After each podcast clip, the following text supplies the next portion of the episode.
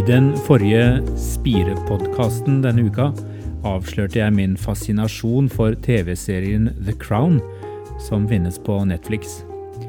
Over flere sesonger beskriver den livet til Storbritannias dronning Elisabeth 2.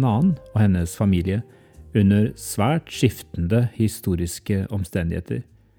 Serien er fiksjon og tar seg nok mange kunstneriske friheter, men den sies i stor grad å bygge på virkelige begivenheter.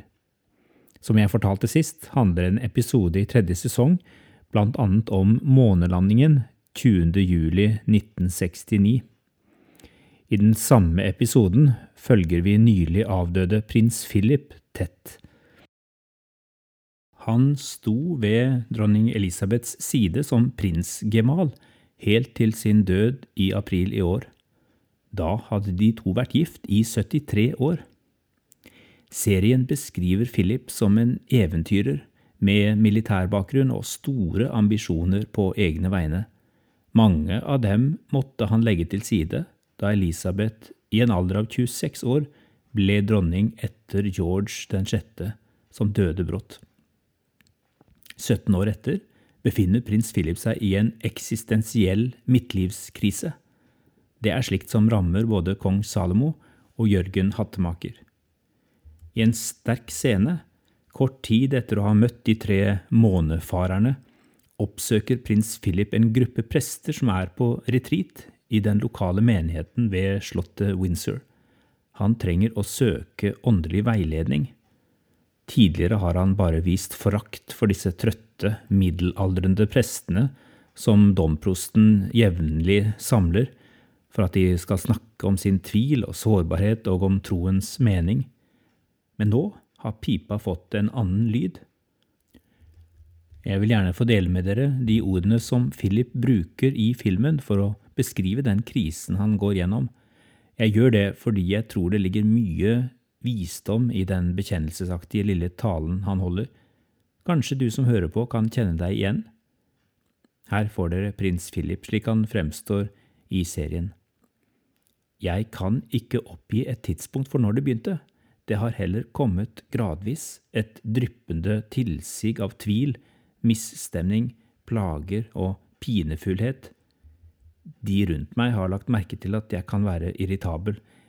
Ikke at det er noe nytt, jeg er kjent for å være gretten, men også jeg må erkjenne at det har tiltatt i det siste, for ikke å nevne min nærmest sjalusipregede fascinasjon for prestasjonene til de unge astronautene tvangsmessig overdreven trening, en manglende evne til å finne ro og tilfredsstillelse og forløsning. Og med disse symptomene i mente må man ikke være et geni for å kunne fastslå at jeg står ettertrykkelig midt i Jeg kan ikke engang sette ord på hvilken krise det er. Selvsagt har man hørt og lest om andre som har opplevd den krisen, og, og som dem søker man til de vanlige stedene og tyr til de vante tingene for å prøve å kunne føle seg bedre. Noe av det kan jeg vedkjenne meg her, noe av det burde jeg nok la ligge. Min mor døde nå nylig. Hun merket at noe var i ulage, hun så at det var noe som manglet hos hennes yngste barn, hennes eneste sønn. Tro. Hvordan er det med troen din? spurte hun jeg må innrømme for dere her jeg sitter at jeg har mistet den, og, og uten den, hva står man igjen med? Jo, ensomheten og tomheten og antiklimakset ved å reise hele den lange veien til månen, for ingenting annet å finne enn et uhyggelig ødeland, spøkelsesaktig stillhet, dysterhet. Slik er det å stå uten tro, i motsetning til man føler på undring, opprømthet og miraklet ved det guddommelige skaperverk, Herrens design og hensikt. Hva er det jeg prøver å si? Jeg prøver å si løsningen på våre problemer ligger ikke, tror jeg, i skaperevnen som ligger bak raketten eller vitenskapen eller teknologien eller endog motet.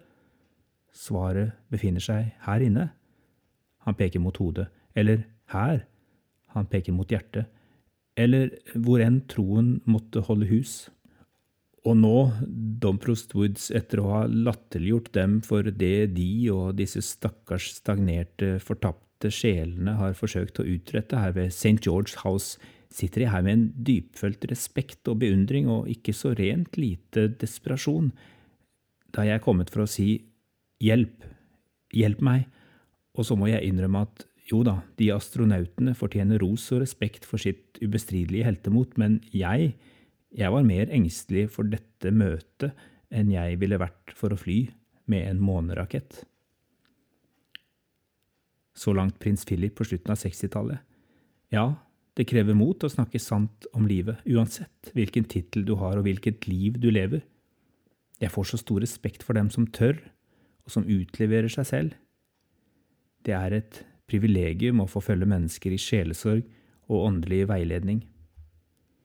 Veien tilbake til tro etter en krise handler svært ofte om at vi tør å åpne oss for noen i fortrolighet. Da erfarer de fleste at deres situasjon verken er så håpløs eller unik som de tror, og de lærer at troen ble gitt til hele Kristi kropp, kirken, slik at vi kan lene oss mot andre når vi som enkeltmennesker går gjennom vanskelige tider. Noen ganger er det slik at det er andres tro som skal få bære oss, og en åndelig krise kan være en nødvendig prosess for å kvitte oss med noen usunne gudsbilder og gi troen et sterkere fundament.